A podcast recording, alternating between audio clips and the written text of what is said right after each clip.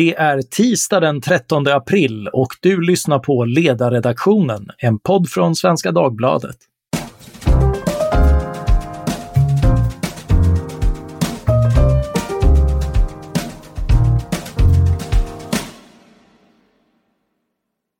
Jag heter Mattias Svensson och dagens ämne är liberal nationalism. Med mig för att diskutera detta har jag Carl Vincent Reimers, ledarskribent på Blekinge Läns Tidning. Välkommen! Tack så mycket! Du är dessutom rykande aktuell med essän Eld och elegans, det högerradikala arvet, idéarvet från Schmidt till Danuzio, utgiven hos Timbro. Men det är inte därför du är här. Nej. Eh, en, en första fråga jag måste ställa är lite av en kontrollfråga för den som eventuellt trodde att de hört fel i inledningen. Eh, liberal nationalism, det är inte en oxymoron.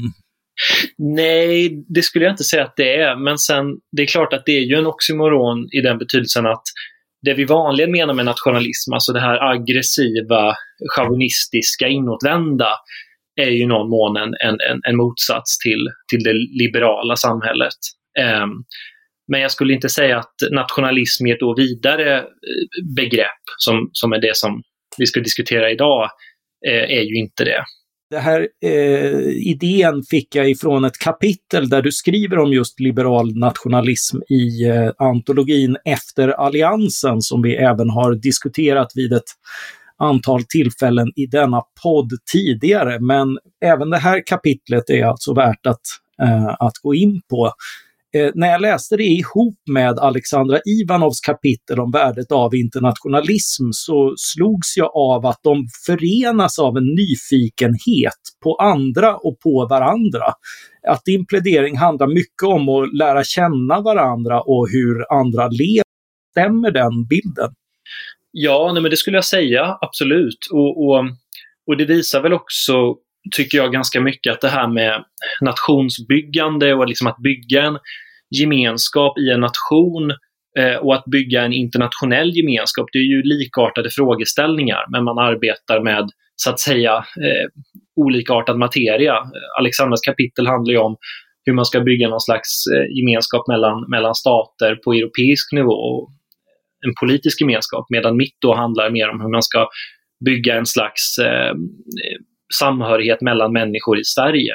Men det är klart att båda frågeställningarna handlar ju om hur man ska bygga någon slags kollektiv samhörighet, men med liberal, en liberal utgångspunkt då, och med, eh, med respekt för liberala grundvärderingar. Mm, eh, två andra begrepp du eh, har i din text och tar upp är etnisk nationalism och medborgerlig nationalism. Det kanske kan vara bra att definiera dem och utveckla hur de förhåller sig till den liberala nationalism som du vill se. Ja, nej men precis, för det där blir ju ofta väldigt, en väldig sammanblandning. Jag menar, det vi tänker på när vi säger nationalism idag i debatten, det är ju mer det här aggressiva. Men jag tycker ett, ett ganska bra exempel på det där, hur brett det, det, det nationalistiska idéarvet är, det är Eh, jag brukar ta exemplet eh, den här eh, Karl XII-statyn i, i Kungsträdgården i Stockholm. Nu har ju de flesta hört talas om, eller sett i alla fall någon gång. Eh, och det är ju där som eh, nazister eh, årligen lägger ner kransar för att hylla eh, Karl XII. Eh, och har, har ju, Karl XII i sig har ju blivit en symbol för den här väldigt aggressiva nationalismen. Eh, men går man tillbaka och tittar vem som faktiskt tog initiativ och byggde eh, den här statyn så var det en liberal riksdagsman vid namn August Blanche eh, som ju var, ja han var väl någon form av 1840-talets, liksom, eller 18, svenska 1800-talets motsvarighet på Emmanuel Macron. Eh, alltså en väldigt internationellt präglad liberal. Eh, men som då också hade den här, det här eh, engagemanget för att bygga en nationell gemenskap. Eh, och det där tycker jag väldigt tydligt visar, om man går tillbaka historiskt, att idén om medborgarskap, idén om liberala fri och rättigheter hänger väldigt tätt ihop med idén om en, om en eh, nationell gemenskap.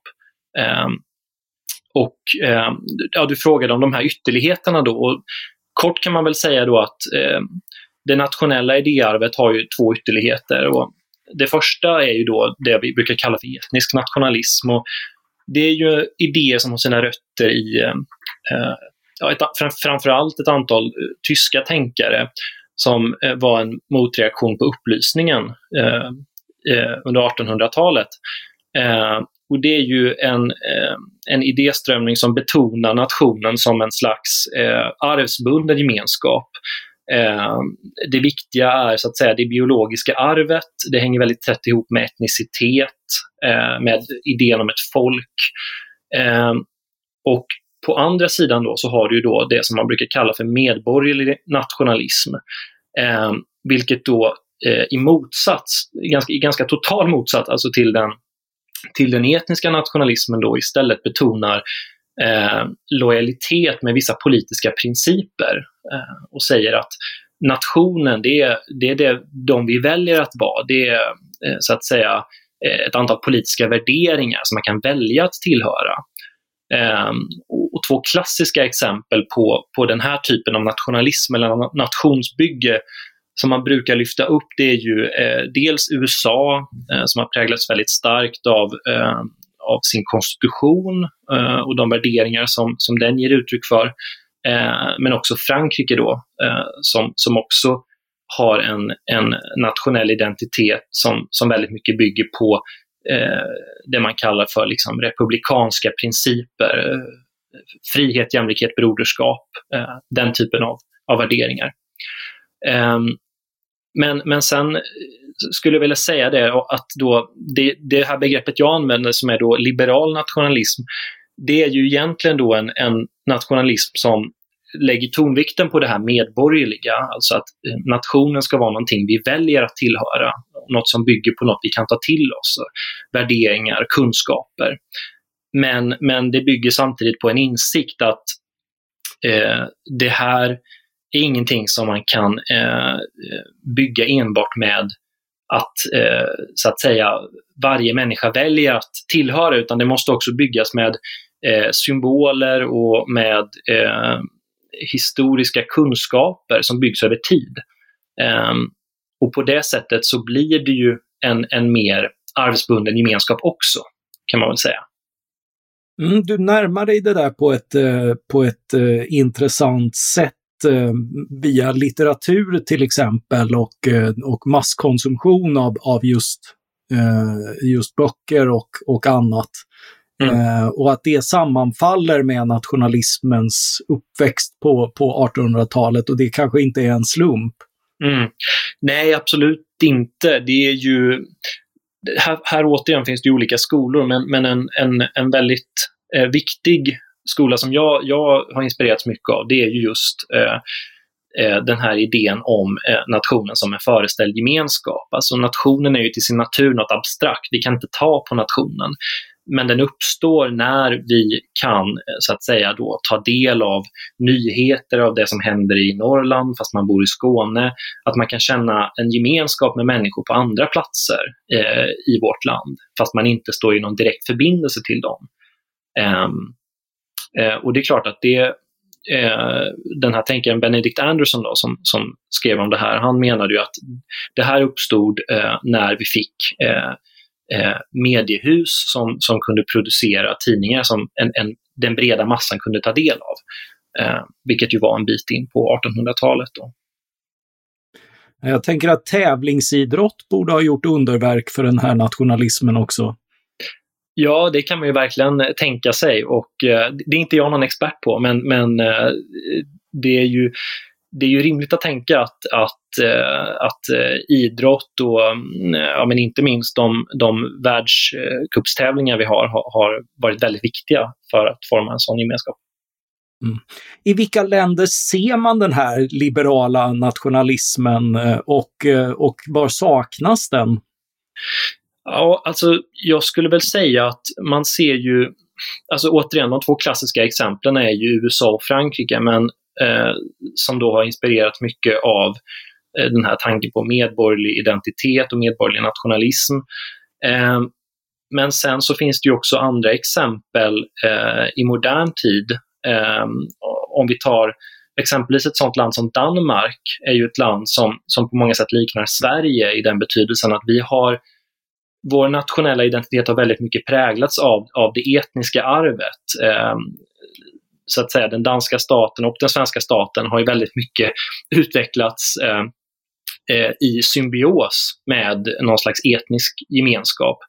Eh, och det, vi pratar om två väldigt homogena länder under lång tid. Eh, men Danmark har ju då i motsats till Sverige, tycker jag, eh, eh sen egentligen början av 2000-talet insett värdet av att på olika sätt värna en medborgerlig nationalism. Och man har bland annat tagit initiativ till att, då till att ta fram en kulturkanon inom, inom olika fält, arkitektur, konst, litteratur, som ett då sätt att, att betona vikten av eh, vissa eh, gemensamma kunskaper. Eh, sen säger inte jag att jag tycker, jag tycker inte Danmark har gjort allt rätt heller, men, men jag tycker där finns det, där, där pratar vi om ett land som ändå har försökt närma sig det här i, i, i modern tid jag tänker på Sverige, är det inte otacksamt att försöka trycka på svenskar den sortens nationalistiska uttryck? Vår nationalkaraktär lite grann skriker att vi helst är för oss själva. Jag tänker på uttryck som Gunnar Ekelöfs “Jag är en främling i detta land, men detta land är ingen främling i mig”. Mm. Eller att vi firar vår egentliga nationaldag midsommar med att åka ut på landet i mindre sällskap. Uh, och så det faktum att osvenskt betyder spännande, färgstarkt och smakrikt. Mm. Något positivt.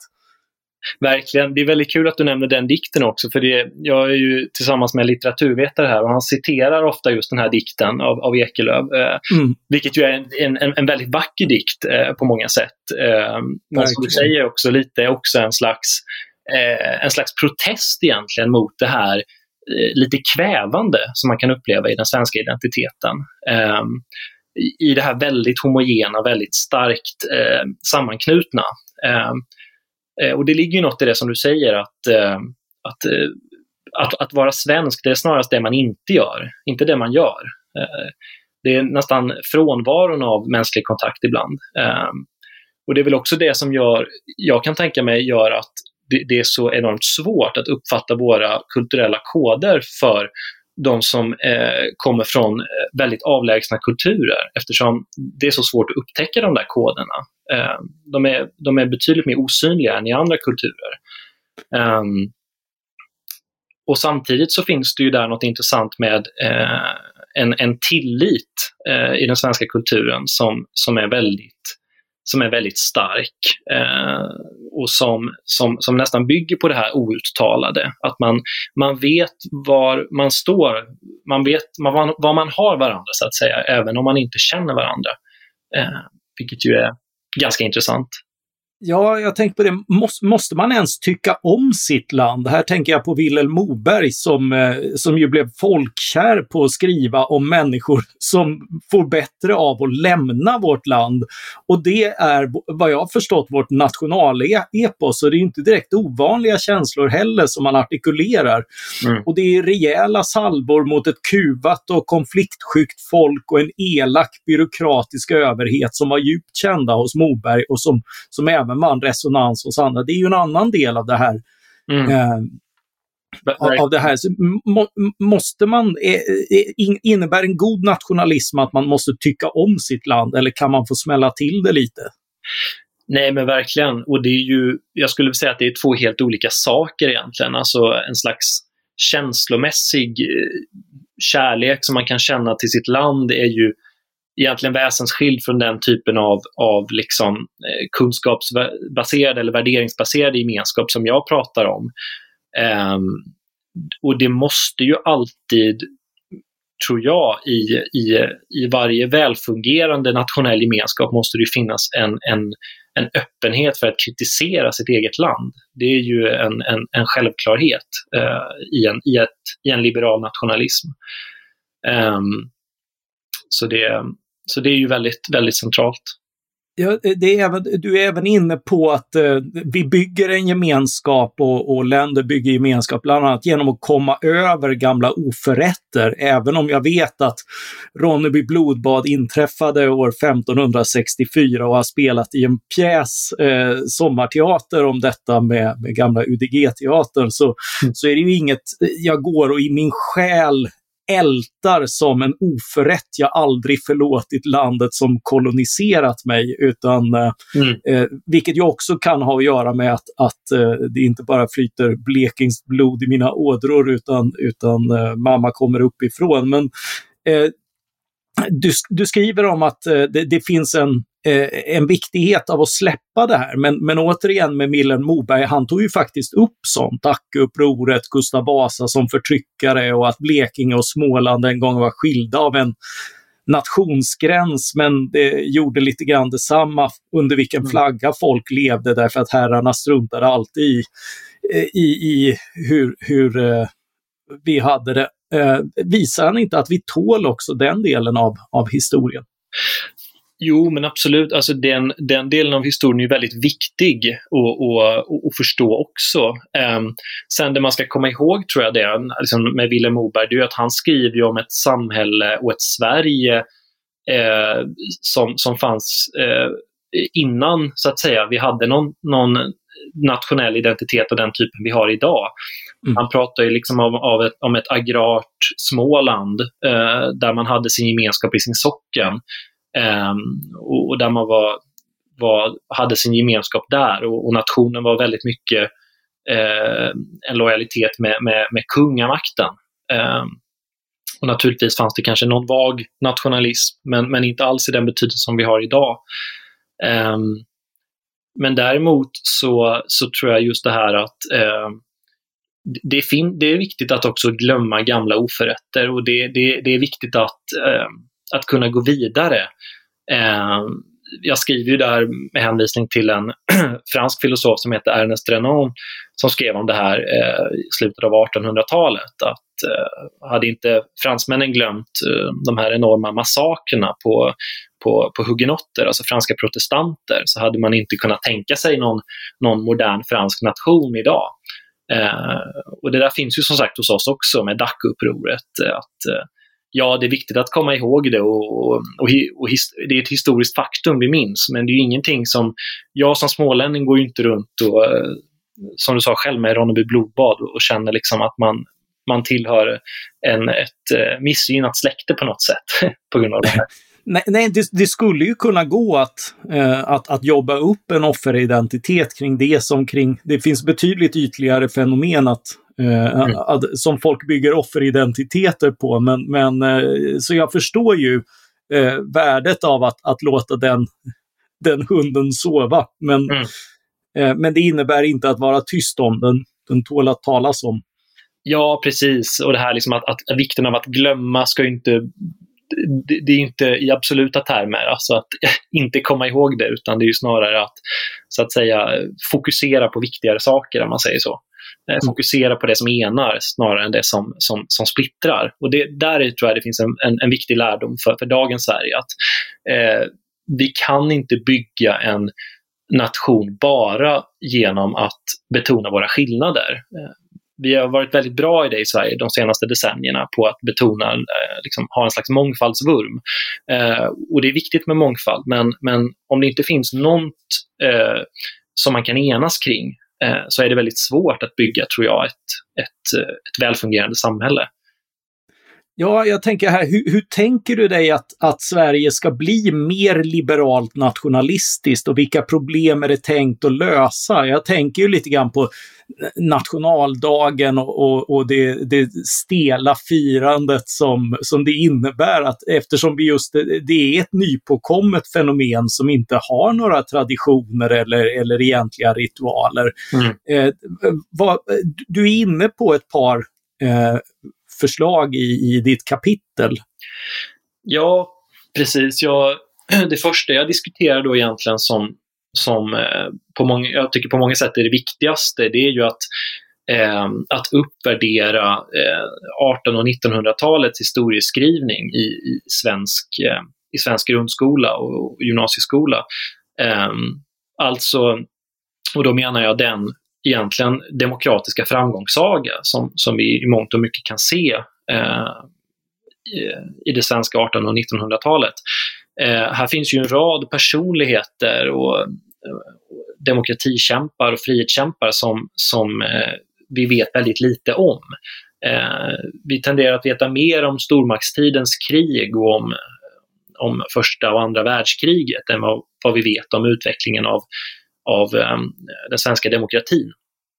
Eh, så där finns det ett viktigt kunskapsunderskott som jag tror kan vara väldigt viktigt eh, om man vill uppnå den här typen av liberal nationalism.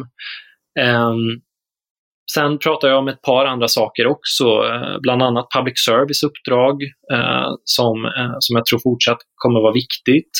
Ehm, men också om eh, islams plats i, i Sverige och, och på vilka sätt man kan, man kan då eh, från, från statens eller samhällets sida eh, arbeta för att, för att eh, eh, underlätta på olika sätt för de delar av islam som eh, vill se eh, en, en, en, liksom, eh, en, en symbios eller en acceptans för demokratiska värderingar.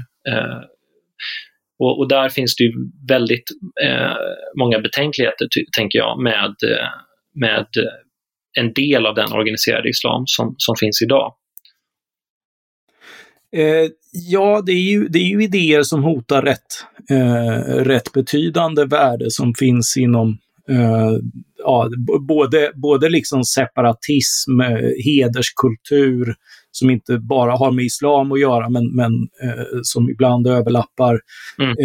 Det, te te terrorism och, och sympatier med, med diktatoriska makter och metoder och, och att ha konflikter eh, hit som, som hör hemma någon annanstans, som vi sett med exempelvis mycket av antisemitismen i Malmö som handlar om att man tar eh, konflikten mellan Palestina och Israel till eh, och, och, låter den gå ut över, över judar i Sverige.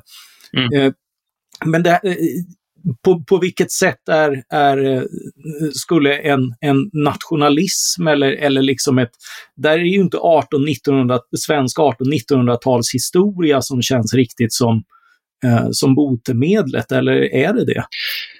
Jag skulle nog tro att, att det finns mycket att hämta där. Eh, sen är det klart att inte det är enbart, men om, om vi jag, jag, tycker det är ganska intressant där återigen att titta på, på andra länder.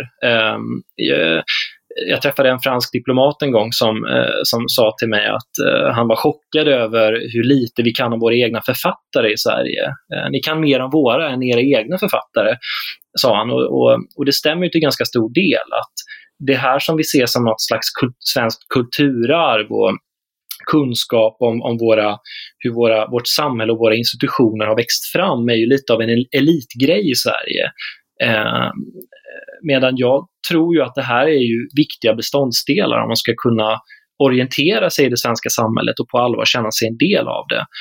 Eh, och och eh, eh, om vi då diskuterar återigen islam där så, så tror jag det finns en, en viktig poäng av att betona att eh, exempelvis genom en statlig imamutbildning se till att, eh, att imamer som verkar inom Sveriges gränser ska ha kunskap om, om hur vårt samhälle fungerar och man ska dela de eh, demokratiska grundvärderingar eh, som vårt samhälle bygger på. Eh, det, tror jag, det tror jag är en ganska eh, grundläggande eh, uppfattning som, som jag inte menar då hotar på något sätt religionsfrihet eller, eller, eller de liberala grundvärderingarna. Eh, däremot så är det viktigt att, att ställa frågan så här, när blir det för kollektivistiskt och hela tiden ha den liberala ryggraden? Eh, mm. Att hela tiden eh, ställa sig frågan, när, när, när blir det här för inkräktande? Och min bild är väl att eh, man måste här ha en väldigt tydlig åtskillnad mellan vad som är privat och vad som är offentligt. Eh, ett bra exempel på det här hur vi eh, saknar den här åtskillnaden kan vi se eh, exempelvis när Stefan Löfven i ena stunden går ut och säger att han hyllar det mångkulturella samhället eh, och, och, och, den öppenhet som Sverige står för. Och i andra sekunden kan han gå ut eh, och säga att eh, i, i, Sverige tar vi både män och kvinnor i handen, apropå den här historien om eh, eh handskakning och eh, miljöpartistiske politikern Yasri Khan. Eh, där har man ju, eh, menar jag, totalt tappat den här åtskillnaden. Eh, varför ska en statsminister ha en åsikt om hur människor väljer att hälsa på varandra? Eh, det är ju, det är ju helt och hållet en privatsak som jag ser det. Eh, däremot hur vi organiserar vår skola, hur vi väljer att ge pengar till våra trossamfund, hur utbildningen för prästerskap och imamer ska se ut, det menar jag är, är helt och hållet eh, uppgifter eh, där samhället ska ha en, en stark roll och insyn. Och där måste vi kunna eh, också ha eh, en diskussion om hur vi ska värna eh, demokratin och, och, en, och en samexistens i samhället. Mm.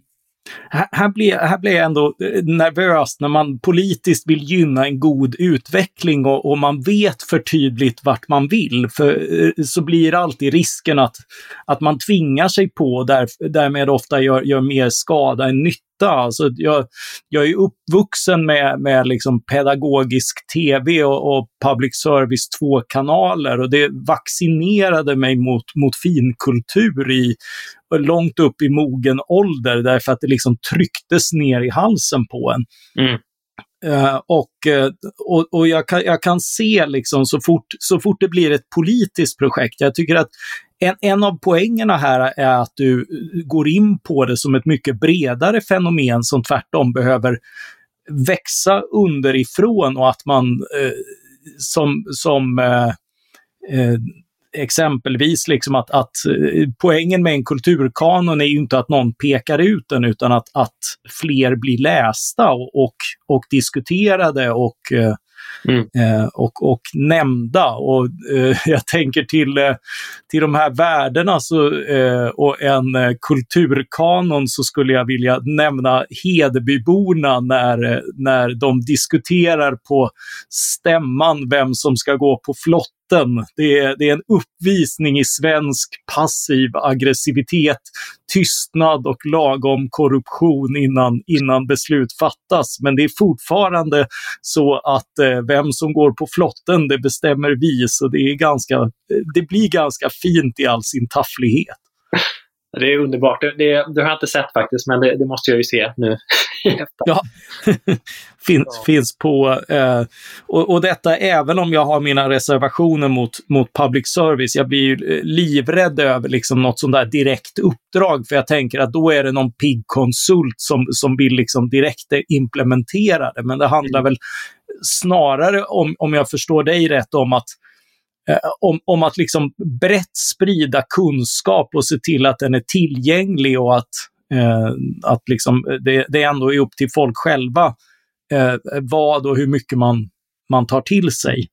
Absolut, och, och, återigen här så, så, så, så, är just den här åtskillnaden mellan, som jag då ser det, medborgaren i det offentliga och, med, och den privatmänniskan, eh, eller den privata individen, är, är väldigt viktig att betona. Att, att här, fin, här finns en, en viktig, eh, inte bara abstrakt åtskillnad, utan också, det är också en, en, en, en lärdom för hur vi, hur vi ska organisera eh, en liberal nationalism om den ska vara Eh, respektfull gentemot eh, människors egna liv. Ehm, men men eh, jag tror ju också att eh, man, man, bör ju också se lite det här som man kallar för liberal nationalism som en slags eh, eh, man, måste se det, man måste se den i förhållande till den etniska nationalismen och till den här aggressiva nationalismen som, som nu, nu gör sig allt mer påmind eh, över hela västvärlden. Eh, och och det man kan, det, den slutsatsen jag drar är väl att det här är alltså nationalism och eh, den här typen av värderingsbaserad gemenskap. Den kan ta sig olika uttryck, men, uh, men uh, nationalism är i våra samhällen en realitet man måste förhålla sig till. Eh, och då föredrar jag hellre en, en nationell gemenskap som, som bygger på en tydlig åtskillnad mellan, mellan, eh, mellan individen och medborgaren. Eh, där man respekterar människors privatliv eh, Eh, och en, en, nationalism som är så att säga eh, måttlig eh, än då den här aggressiva nationalismen som ska in och peta i allting och som ser majoritetskulturen som en slags norm, en slags checklista som man ska pricka av på alla former av, av kriterier, vare sig det är etniska eller språkliga eller, eller religiösa. Um, så att uh, det, är väl, det är väl lite frågan där också om uh, vilket, vilket motstånd man ska ge till de här krafterna. Eh, och där tror jag att liberal nationalism är en viktig, är en viktig del. är det inte risk att det bara blir defensivt, alltså nationalism men med förnuft? Alltså det är ju, där, återigen där måste man ju definiera vad, vad det är för typ av nationalism man menar. För jag, jag ser ju inte den, den, den etniska nationalismen är ju den medborgerliga nationalismens motpol. Eh, så att återigen där så är ju frågan, ja man säger, vill, man säger att man vill ha en nationell gemenskap, men då återigen måste man ju betona vad, vad är det för typ av, av gemenskap vi ska ha? Vad ska vara kriterierna för den, för den gemenskapen?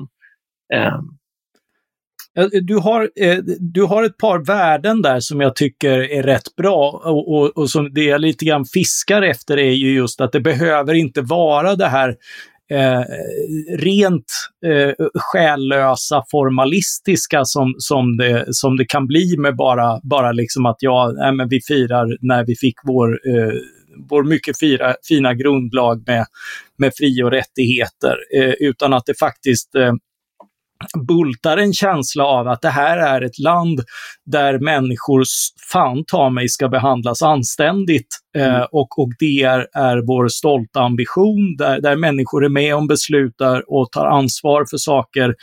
Eh, och, och att man får göra det. Att, eh, och, och, att, och att det är eh, just inslagen av eh, frihet, medbestämmande, självrådighet, eh, att, att man faktiskt får vara i fred när man vill det och att ett nej är ett nej. Eh, allt bildar en del av, och, och en pluralism och, och, det faktum att, att vi kan välkomna andra i, i den här gemenskapen. Alla blir liksom skäl till stolthet, lite grann som eh, jag diskuterade vid något tillfälle just apropå 1800-1900-tals historia, varför varför så kallade nationalister ofta lyfter fram så trista grejer som kungar och krig och annat som, som mest var elände för folk som bodde här. Mm. Eh, som, som liksom stolta ögonblick, medan däremot det faktum att vi tog oss ur fattigdom och armod till relativ, eh, och inte bara relativ utan, utan väldigt stor rikedom eh, som folk under eh, de senaste hundra åren och att, och att det och entreprenörskapet, uppfinningsrikedomen och annat, där finns ju en, en betydligt större källa till nationell stolthet som inte förminskas av att andra nationer också har gjort samma resa. Verkligen, och det är ju det är precis där som, som det finns väldigt mycket att utforska eh, kring de personligheterna som, som var en del del av den resan som byggde, byggde de institutionerna som, som, som vi idag ser som helt grundläggande för demokratin, för, för våra, våra lagstadgade friheter. Um, så, att, så, uh, ja. så, vårt hjärta klappar för hjärta och Gripenstedt och uh, och de andra som tog oss ur det. En av de mer konkreta idéer och förslag du har som jag tyckte lät häftigt var en eh, ny version av eh, Selma Lagerlöfs eh, Nils Holgerssons resa över Sverige. Och jag tror där finns det ju mycket att hämta eftersom eh, jag menar, Nils Holgersson är en sån här grundbult i, i eh, det svenska självmedvetandet. Och de flesta som har varit i svensk skola har någon gång hört talas om det kanske till och med läst, läst den här fantastiska berättelsen eh, som ju gjordes i syfte, eh, eller skrevs i syfte att, att eh, ge svenska skolbarn en, en, en sammanfattande bild av, av Sverige. Eh, men jag tycker också det är rätt intressant att den här berättelsen Eh, är ju fortfarande det bästa vi har på det här området, eh, trots att Sverige idag ser väldigt annorlunda ut. Och där tycker jag det vore ett otroligt intressant eh, politiskt initiativ eh, att, eh, att se den regering som tar initiativ till att göra Nils Holgerssons uppföljare. Alltså ge en författare i uppdrag att eh, skriva en berättelse som förmedlar eh, en sammanfattande bild av Sverige idag och alla dess olika delar. Eh, det tror jag verkligen skulle kunna bli en, en, eh, ett nav i en eh, en ny typ av svensk eh, nationell identitet ehm, och något som skulle kunna förena människor från, från, från väldigt olika bakgrunder i det här landet. Det låter ju som fantastiska slutord på en diskussion. Eh, jag tänker om jag hade satt mig på gåsen och flugit ner över Sverige så hade jag inte bara sett att det fanns mycket utrymme kvar att bosätta sig på, utan jag hade också tänkt när jag kom till Blekinge, finns kebabställena kvar? Vårdar ni detta kulturarv? de kan jag, då kan jag lugna dig att eh, de finns kvar, de frodas. Eh, och nu så här under pandemin så är det ju ganska mycket hämtmat. Eh, jag har själv besökt flera av dem. Så att, eh, jag tror du kan vara lugn där. Det, det är nog lite svårare för, för de ehm, så att säga mer kniv och gaffel-restaurangerna och, och fine dining. Eh, de har det lite tufft. Ja, ja. Eh, ja, men då vet jag det också. Eh, då tackar jag dig, Carl Vincent Reimers, för att du ville vara med i detta avsnitt av Ledarredaktionen. Tack så jättemycket för att jag fick vara med. Tack också till alla er som har lyssnat på Ledarredaktionen. Vill ni hissa flaggan för nya idéer att diskutera eller dra en gräns mot något som sagts i detta avsnitt eller bara meddela att det var kanon eller kanon så mejlar ni till ledarsidan svd.se. Ledarsidan svd.se. Producent för det här avsnittet var Jesper Sandström. Jag hoppas att vi snart hörs igen. Tack för den här gången.